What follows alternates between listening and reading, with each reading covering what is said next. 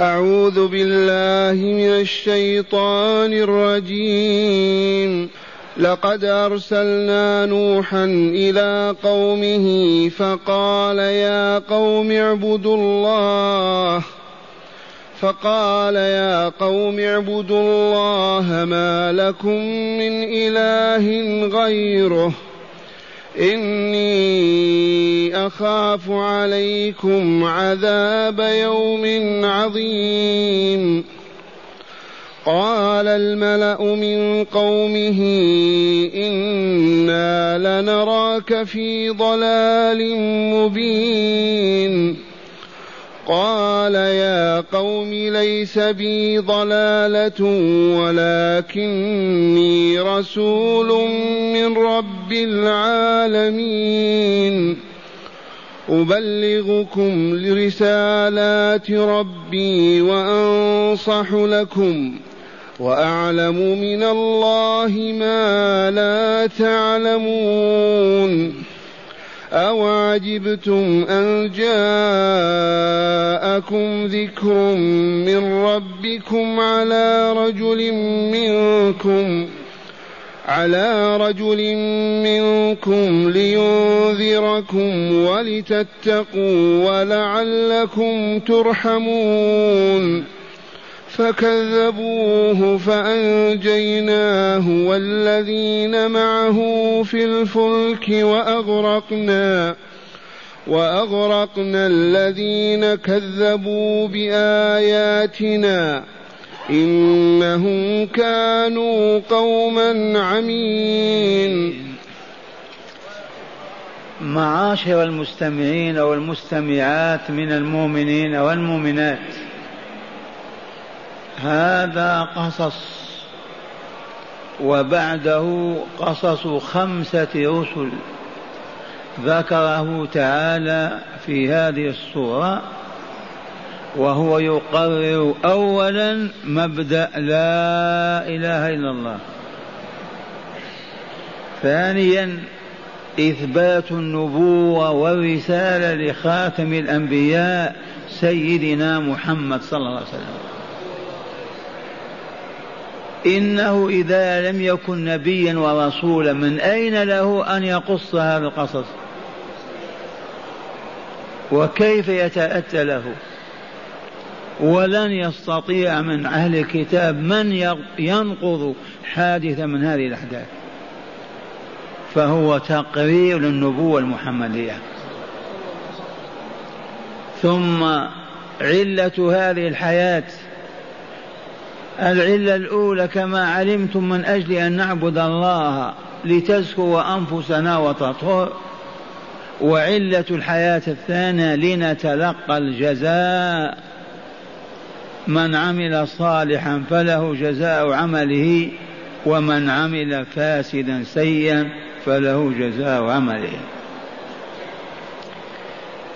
هذه الحادثة أو هذه القصة قصة نوح عليه السلام. ماذا تعرفون عن نوح؟ إنه أحد رسل الله وأحد أولي العزم الخمسة. أولو العزم من رسل الله الذين هم ثلاثمائة وأربعة عشر منهم خمسة يسمون بأولي العزم. إذ قال تعالى فاصبر كما صبر أولو العزم من الرسل. وجاء ذكرهم في سورة الأحزاب في آية من كتاب الله. منك ومن نوح وإبراهيم وموسى وعيسى بن مريم. فالكاف في قوله منك عائدة إلى المصطفى صلى الله عليه وسلم. وهو آخرهم في الوجود وأولهم في الكمال. فنوح أحد أولي العزم الخمسة. ولم يرسل الله قبله رسولا. والفترة ما بينه وبين آدم من أهل العلم من يقول هي ألف سنة. ولم يسبقه إلا شيث بن آدم عليه السلام واختلف في إدريس هل هو جده أو هو أحد أحفاده. والعلم لله. وإدريس رسول الله. بنطق الآيات القرآنية. نوح عليه السلام أرسل لأهل إقليم أو بلد استزلهم الشيطان وصرفهم عن توحيد الرحمن إلى عبادته. وسبب ذلك أنه كان بينهم خمسة رجال صالحون وهم يغوث ويعوق ونسر وود وسواع. كانوا أولياء لله تعالى. فماتوا كما تموت البشرية بآجالهم وأعمارهم. فزين لهم الشيطان أن يضع لهم تماثيل تمثلهم.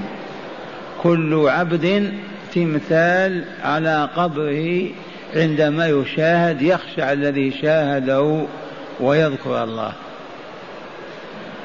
بهذه النية. القصد من وضع تلك التماثيل أو الصور لأولئك الصالحين بقصد التبرك والنظر إليهم وتذكر الدار الآخرة والإيمان والعمل الصالح. مضى قرن أو قرنان وجاء جيال من جديد فعبدوا تلك التماثيل. وجعلوها آلهة تعبد مع آلهتهم. وجاء هذا في سورة نوح عليه السلام ما بين المعارج أو المعراج والجن. وقالوا لا تذرن آلهتكم ولا تذرن ودا ولا سواع ولا يغوث ويعوق ونسرا. ذي نصائحهم ووصاياهم فيما بينهم. فلما انتشر الشرك وظهرت آثاره نبأ الله عبده نوحا وأرسله يدعوهم إلى عبادة الله وحده. إذ لا يستحق عبادة إلا الخالق الرازق المعطي المانع الضار النافع أما ما عدا الله فليس بأهل أن يعبد. من الخطأ الفاحش أن يعبد من لا يملك نفعا ولا ضرا. وواصل دعوته بينهم تسعمائة وخمسين سنة. ألف سنة إلا خمسين عاما. وعاش بعدها مع المؤمنين يربيهم ويعلمهم قرابة مئتي سنة.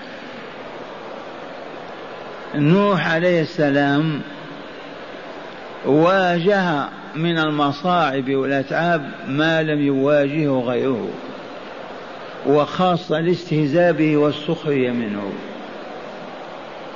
فلما آن أوان هلاك تلك الأمة أوحى الله تعالى إليه أن يصنع الفلك فصنعها بتدبير الله عز وجل.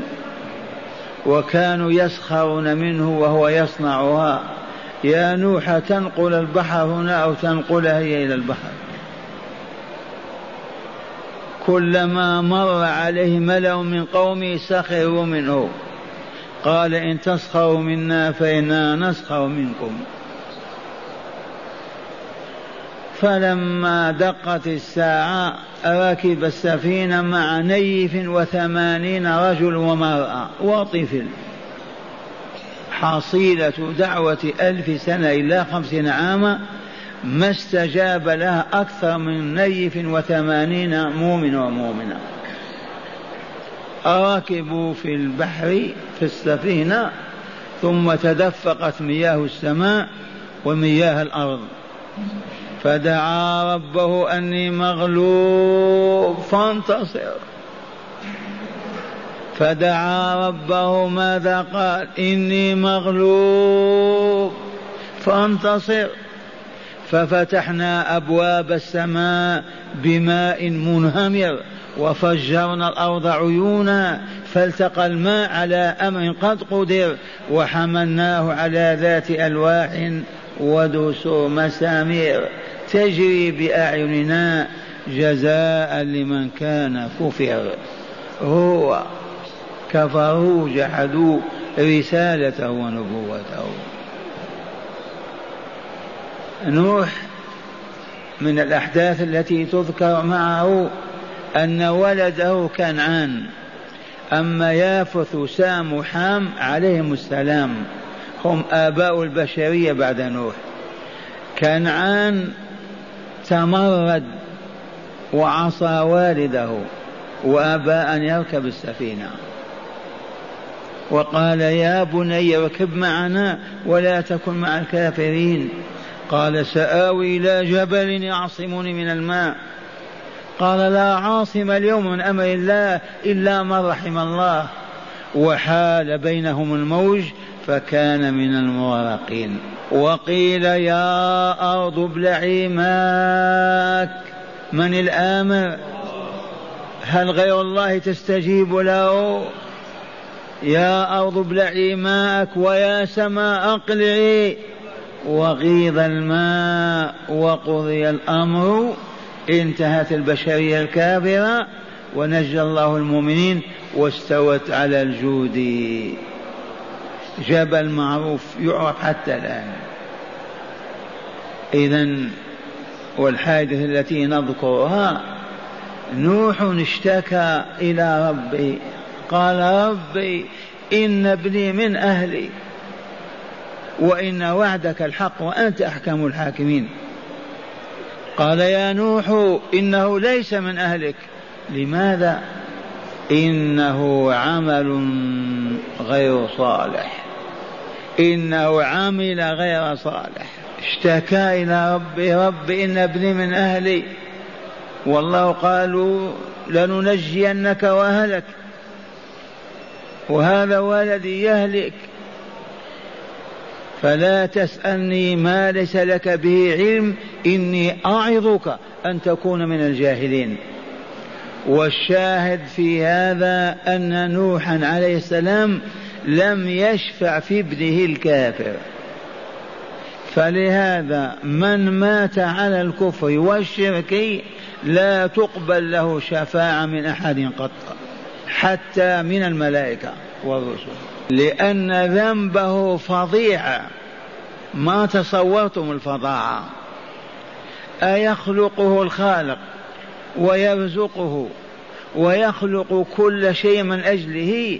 ثم يغمض عينيه عن خالقه ورازقه ومدبر حياته ويفتحهما في صنم وحجر أو في شهوة أو في هواء أو في إنسان أو حيوان. ويقبل عليه وينسى ربه. هذه الجريمة كيف تقدر يعني؟ أولا كون الذي نلتفت إليه ندعوه نستغيث به نسأله ما يملك شيئا. هذا أولا. ونضرب مثلا دائما إذا مررت برجل أمام باب خرب من الخرائب وهو يسأل يا أهل الدار إني جاي إني عطشان إني عاري مدوا أيديكم لأخيكم. وما بالخرب أحد. ومررت به. هل يستجاب له؟ يسمع نداه يعطى. ما في البيت أحد. فكل من دعا غير الله وسأل غير الله هذا موقفه. إلا الخيبة فقط والخسران. ولا يصح أبدا لعاقل يمر به ويسكت. كيف تمر بأخيك جاهل ما يدري أن هذه الخيبة ما بها أحد ويقضي الساعة وهو يبكي ويصرخ وتسكت أنت يجوز هذا؟ ومثاله الذين يعبدون القباب والقبور من المسلمين والأضرحة ويستغيثون ويسألونهم يا سيدي فلان يا فلان يا فلان هل يجوز أن تمر بهم وتسكت؟ ما تنصح لهم؟ لو وقفوا ألف سنة يطلبون والله ما امتدت إليهم يد ولا أعطوا شيئا ما يطلبون. وفي نفس الوقت أعرضوا عن الله خالقهم وخالق كل شيء من أجلهم. يا ابن آدم لقد خلقتك من أجلي وخلقت كل شيء لك. إذا كنعان في النار. كيف لا يشفع له أبوه وهو من أولي العزم ومن الرسل؟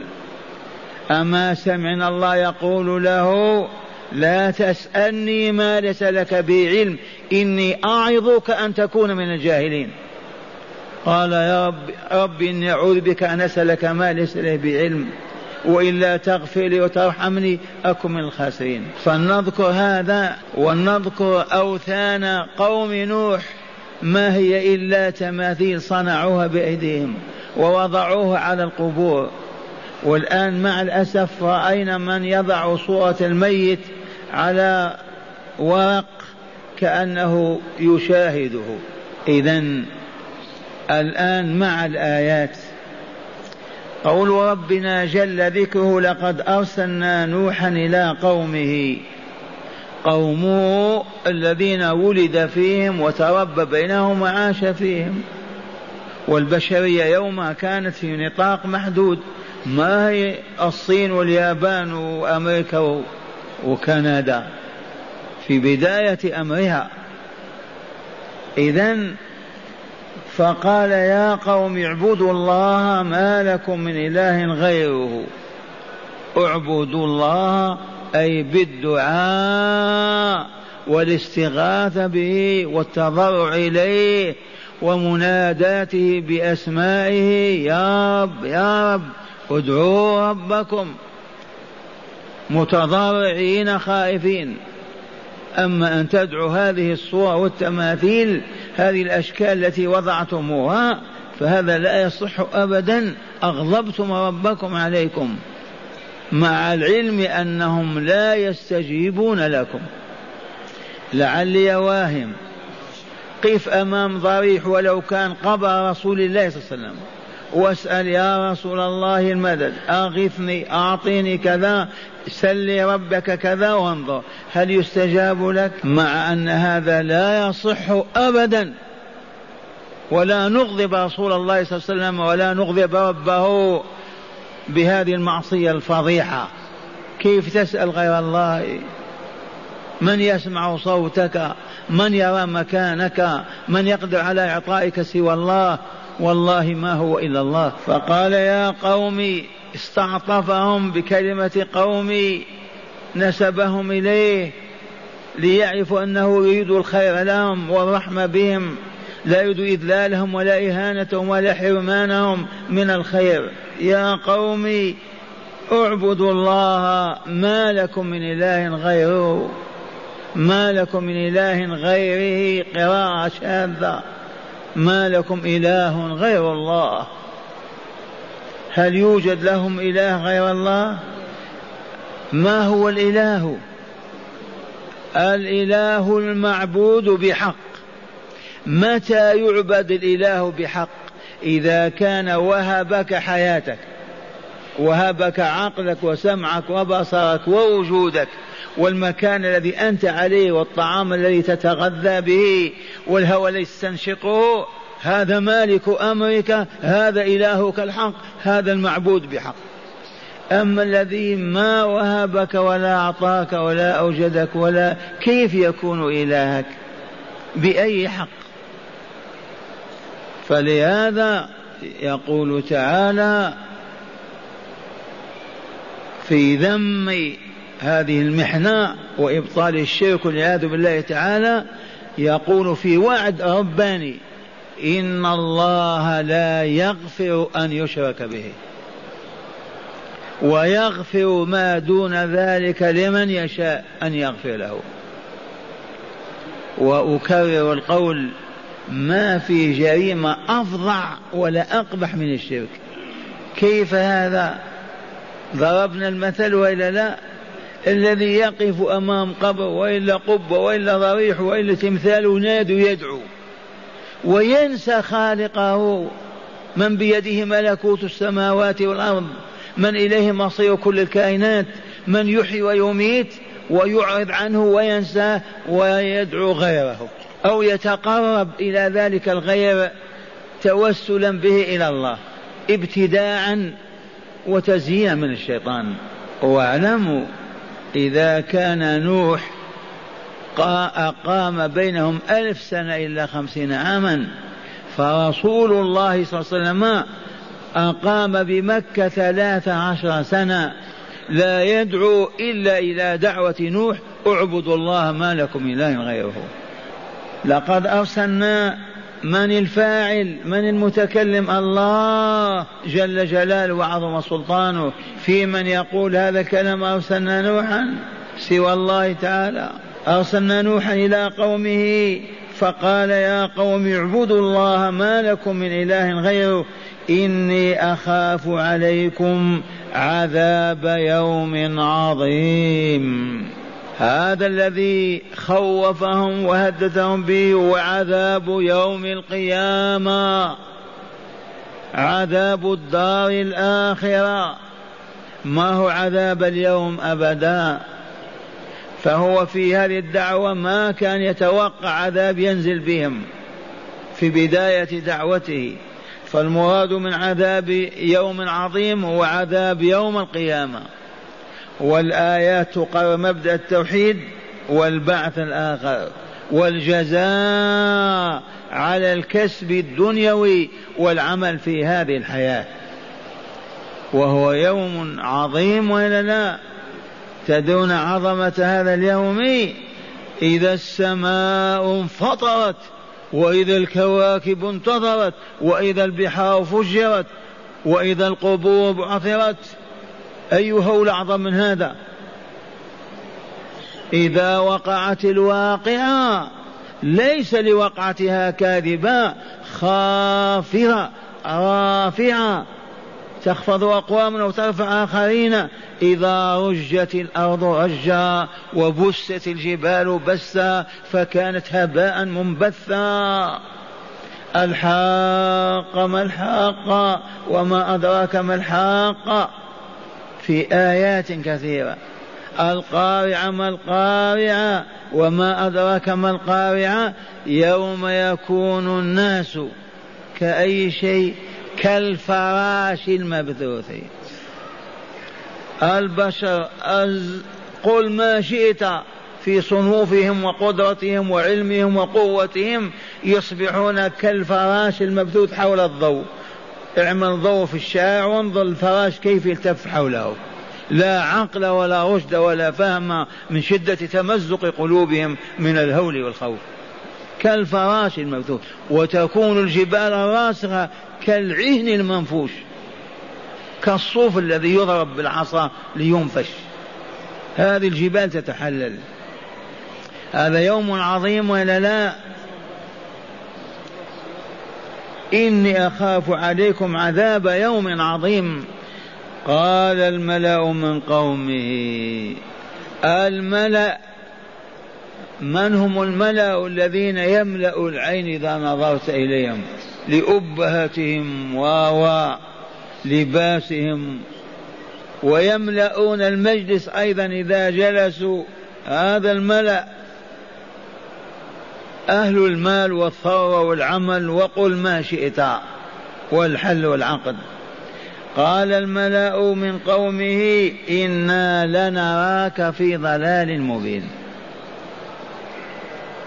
إنا لا نراك يا نوح في دعوتك هذه ومحاربتك لآلهتنا وعبادتنا في ضلال مبين واضح بين. قالوا هذا. نعم. قالوا لرسول الله صلى الله عليه وسلم في مكة أعظم من هذا. ما قالوا في مجنون ساحر. وهذا شأن البشر.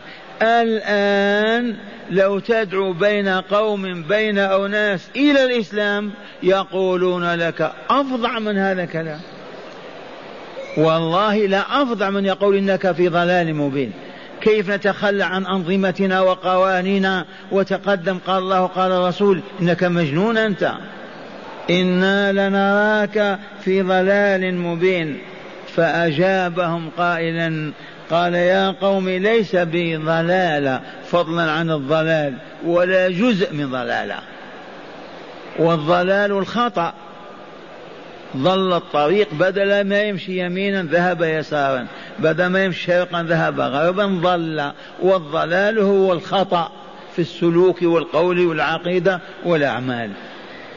قال ما أنا بضلال؟ إنا لنرى قال يا قوم ليس بضلالة ولكني رسول من رب العالمين. أنا مرسول. من أرسلني رب العالمين أي خالق الخلائق كلها والمدبر للحياة كلها رب كل شيء ومليكه ذاك الذي أرسلني وأنا رسوله. ما قال أنا رسول القبيلة الفلانية أو الغني الفلاني أو السلطان الفلاني قال أنا رسول رب العالمين. أراد أن يصلحكم ويطهر قلوبكم ويعدكم لسعادة الدارين أرسلني إليكم لما تورطتم في الشرك والظلم والفسق والفجور والباطل والفتن والمحن أرسلني لإنقاذكم. أنا مرسل منه. إذا قال يا قوم ليس بضلالا ولكني رسول من رب العالمين. من هو رب العالمين؟ يعرفون الله عز وجل. إذ ما عبدوا تلك الأصنام إلا توسلا بها لله عز وجل. عهدهم بآدم وشيث ما هو بعيد. ككفار قريش. ما قالوا ما نعبدهم إلا ليقربونا إلى الله زلفى. ما كانوا يحلفون بالله ويحجون بيت الله أليس كذلك؟ يؤمنون بإبراهيم وإسماعيل والأنبياء ولكن ورطهم إبليس في الشرك والضلال فرغبوا فيه وأحبوه وأصبحوا لا يريدون مفارقته. وهذه أيضا القضية تتكرر إلى يوم الدين. ما زال من المسلمين من يستغيثون بالأولياء. وينذرون النذور لهم ويرفعون أصواتهم بأسمائهم وهم يقرؤون القرآن أيضا وذلك لغلبة الجهل وعدم البصيرة لهم. لا يصح منك يا عبد الله أن ترفع صوتك داعيا سوى لله فقط. يا الله أما يا جبريل يا ميكائيل يا إسرافيل يا عبد القادر يا فاطمة يا حسين يا رسول الله كل هذا والله لمن الشرك الأكبر. وصاحب إن لم يتداركه الله ويموت على التوحيد ما نجا ولا دخل دار السلام. وعندنا لطيفة لأن آباءنا وأمهاتنا وإخواننا عاشوا في الجهل أكثر من أربعمائة سنة إلى ألف سنة. فمن لطف الله لما يكون الشخص ما يريد معصية الله ولا الشرك بالله ولو يعرف أنه شرك لذبح نفسه ولا يقبل هذا. من تدبير الله عندما يحضره الموت ويكون على سرير الموت يصرخ فقط بلا إله إلا الله. لا إله إلا الله. ما يعرف عبد القادر ولا رسول ولا أحد أبدا فتقبض روحه وهو موحد. هذا نجا. ما فهمتم هذه اللطيفة؟ من آبائنا وأجدادنا ملايين ما عرفوا. ويستغيثون بعبد القادر فلان وفلان ينادون كذا لكن لجهلهم وعدم علمهم عندما تحضر الوفاة لأحدهم ويكون على سرير الموت يقول لا إله إلا الله ما يعرف لا رسول ولا نبي ولا ملك. سمعتم بهذا؟ هو الواقع. هذا من لطف الله ورحمته لأنه ما كان يريد أن يشرك بالله ولا يرغب أن يغضب الله لكن للجهل وقع في هذا. ومن مات على غير لا إله إلا الله فهو في في دار البوار والخزي والعار. قال يا قوم ليس بي ضلالة ولكني رسول من رب العالمين أبلغكم رسالات ربي. ما قال رسالة واحدة لأنها رسالات. رسالة للتوحيد ورسالة لرفع الظلم ورسالة لتطهير النفوس من الخبث. رسالة فيها بيان العبادات رسالات متعددة. أبلغكم إياها. ما هي رسالة واحدة متعلقة بالتوحيد والتقنين والتشريع؟ بشر يحتاجون إلى إصلاح وإلا لا؟ إذا فهي رسالات في كل رسالة لشأن من الشؤون. فلهذا قال رسالات ربي وأنصح لكم. والنصح لهم بيان الحق واضحا وأن يبعدهم مما يدس نفوسهم أو يخبط أرواحهم.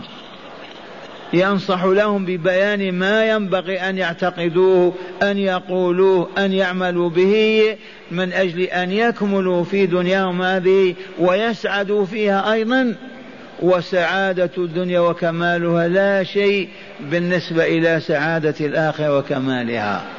الله الطعام يشبع الماء يروي النار تحرق الحديد يقطع ولا لا؟ إذا فالعدل في الأمة يكسبها الراحة والطمأنينة. دفع الظلم وحصول الأمن يكسبهم طمأنة النفس وسعادتها. البعد عن الأخباث والأنجاس تطهر وتزكو وتطيب فيحصل هذا في الدنيا. وإن كان ليس المقصود المقصود الآخرة. وأنصح لكم وأعلم من الله ما لا تعلمون. إي والله يعلم من الله محاب الله ومكارهه وعود الله ومواعيده ما لا يعلمون. يعلم من الله ما لا يعلمون. لو سألتهم من الله ما يعرفون ما أسماءه لا يعرفون ما صفاته ما يعرفون هل يحب ويرحم هل يغضب ويسخط ما يعرفون هو يعلم وهم لا يعلمون. فبين لهم الواقع وأعلم من الله ما لا تعلمون أنتم. سواء من الوعد أو الوعيد أو ما شاء الله أن يكون. وأعلم من الله ما لا تعلمون. الواجب أن يصغوا ويستمعوا ولا لا وأن يقولوا علمنا يرحمك الله يا نوح. علمنا ما عند الله علمنا ما مراد الله من إرسالك ورسالتك. لكن العناد والمكابرة وإيثار الدنيا وشهواته وأهواؤها صرفهم عن هذا كله. وازدادوا عنادا ومكابرة. ثم قال لهم أو عجبتم أن جاءكم ذكر من ربكم على رجل منكم؟ قلتم ما قلتم كفرتم وكذبتم متعجبين من أن أن أن جاءكم رجل أن جاءكم ذكر من ربكم على رجل منكم. هل هذا يحمل على التعجب؟ كونهم يأتيهم ذكر من الله عز وجل ينقله ويحمل إليهم رجل منهم ما هو بعيد عنهم ولا يخالفهم في زي ولا في لغة ولا في كذا هل هذا يحصل منه التعجب؟ أهل القرية في شقاء في بلاء يأتيهم رجل منهم ينصح لهم افعلوا كذا اتركوا كذا افعلوا كذا قولوا كذا تكملوا وتسعدوا. هل هذا يثير التعجب النفسي؟ كيف هذا؟ فهو ينكر عليهم هذا التعجب متعجبين. كيف يبعث الله رسول؟ فقال منكرا عليهم أو عجبتم أن جاءكم ذكر من ربكم على رجل منكم لينذركم؟ لينذركم ولتتقوا ولعلكم ترحمون. مهمة الرسول الإنذار ثم بيان العبادات والصالحات ولتتقوا الله عز وجل بفعل الأوامر وبترك النواهي وبذلك تتهيئون للرحمة الإلهية في الدنيا والآخرة. أو عجبتم من جاءكم ذكر من ربكم على رجل منكم لينذركم ولتتقوا ولعلكم ترحمون. ولتتقوا نتقي ماذا؟ نتقي الله عز وجل. كيف نتقي الله؟ أريد من المستمعين غير أهل الحلقة. يا معشر المستمعين أسألكم بالله كيف نتقي الله؟ أي كيف نمنع أنفسنا من عذاب الله وسخطه؟ بأي شيء؟ الله لا يتقى بالجيوش الجرارة ولا بالحصون العالية ولا بالهيدروجين اليوم والنفاثات وإنما يتقى فقط بطاعته وطاعة رسوله بفعل أوامره وترك نواهيه. بهذا يتقى عذاب الله وسخطه في الدنيا والآخرة. فلهذا قال آمنوا واعبدوا ربكم تكونون قد اتقيتم عذابه وسخطه وتتهيئون للرحمة ولعلكم ترحمون. أي لتستعدوا بذلك إلى دخول رحمته. قال فكذبوه. فكذبوه.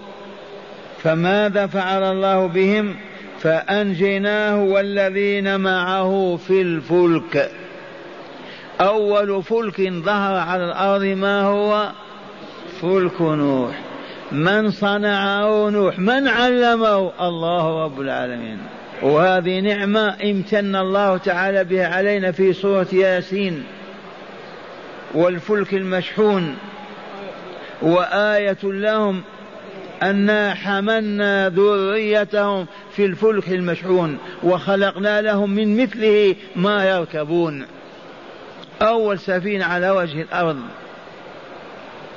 إذا فأنجيناه والذين معه كم كانوا نيفا وثمانين رجل مرأة ولد. من بينهم أولاده الثلاثة يافث وسام وحام. قيل يافث هو أبو أبو ماذا؟ أبو لا لا يافث أبو ياجوج وماجوج وسام أبو البيض وحام أبو السود من البشر. ثلاثة. فأنجيناه الذين معه في الفلك وأغرقنا الذين كذبوا بآياتنا إنهم كانوا قوما عمين. ما قال عميان؟ كانوا قوما عمين. لأن هناك فرق بين أعمى وبين عمي. العمي الذي لا يبصر بقلبه ونور نفسه. لا بصيرة له. وله عينان يبصر بهما الإبرة في الأرض. هذا عمي والأعمى فاقد البصر. كانوا قوما عمين. ما شاهدوا آيات الله التي تتلى عليهم ألف سنة إلا خمسين عاما. وهم مصرون على الشرك والعناد والكذب والسخرية إلى نهاية آجالهم. إنهم كانوا قوما عمين. معاشر المستمعين لهذه الآيات اسمعوها أولا ثم نستنبط منها الهداية المطلوبة. لنستعين بالله على أن نعبد الله وحده. قال تعالى لقد أرسلنا نوحا إلى قومه فقال يا قوم اعبدوا الله ما لكم من إله غيره. إني أخاف عليكم عذاب يوم عظيم. قال الملأ من قومه إنا لنراك في ضلال مبين. قال يا قوم ليس بضلالة ولكني رسول من رب العالمين أبلغكم رسالات ربي وأنصح لكم وأعلم من الله ما لا تعلمون. أو عجبتم أن جاءكم ذكر من ربكم على رجل منكم لينذركم ولتتقوا ولعلكم ترحمون؟ كيف تعجبون؟ فكذبوه فأنجيناه والذين معه في الفلك. وأغرقنا الذين كذبوا بآياتنا إنهم كانوا قوما عمين. من هداية الآيات تأملوا. أولا تقرير نبوة محمد صلى الله عليه وسلم كنبوة نوح عليه السلام. هل دلت الآيات على أن نبوة محمد حق؟ كيف دلت؟ من أين لمحمد الأمي العربي الهاشمي أن يقص هذا القصص؟ هو كان حاضر؟ كيف يتم هذا؟ إذا أوحي إليه إيه نعم. إذا فوالله لا رسول الله. ما يستطيع ذو عقل أن ينفي رسالته وهو يتكلم على أحداث تمت من آلاف السنين. إذا تقرير نبوة محمد صلى الله عليه وسلم كنبوة نوح عليه السلام. ثانيا تقرير وتأكيد التوحيد وبيان معنى لا إله إلا الله. تقرير وتأكيد التوحيد ولا لا وبيان معنى لا إله إلا الله. ما معنى لا إله إلا الله؟ لا يعبد إلا الله. إذا قلت لا إله إلا الله معنى تقول لا يستحق أن يعبد إلا الله. بأي نوع من أنواع العبادات؟ ثالثا التحذير من عذاب يوم القيامة والتذكير به. حذرهم وذكرهم لأنهم كانوا غافلون وناسون له. إني أخاف عليكم عذاب يوم عظيم. فهو إذا حذرهم وذكرهم. أيما مؤمن يذكرك بالآخرة معناه وعظك وذكرك. وأنتم تعرفون وأكرر القول وإلا لا؟ اسمع. الفيلسوف الطيار الغواص مهما كان هذا الإنسان في سموه الفكري إذا لم يكن مؤمنا بلقاء الله والحساب والجزاء على الدقيقة والجليلة في حياته لا خير فيه بالمرة. ولا قيمة له ولا وزن بعوضة عند الله. وكل الشرور والمفاسد من الظلم والخبث والعناد والكبرياء كلها ناتجة عن ضعف الإيمان بالله ورسوله ولقائه. رابعا أصحاب المنافع. من مراكز وغيرها هم الذين يردون دعوة الحق دائما وأبدا.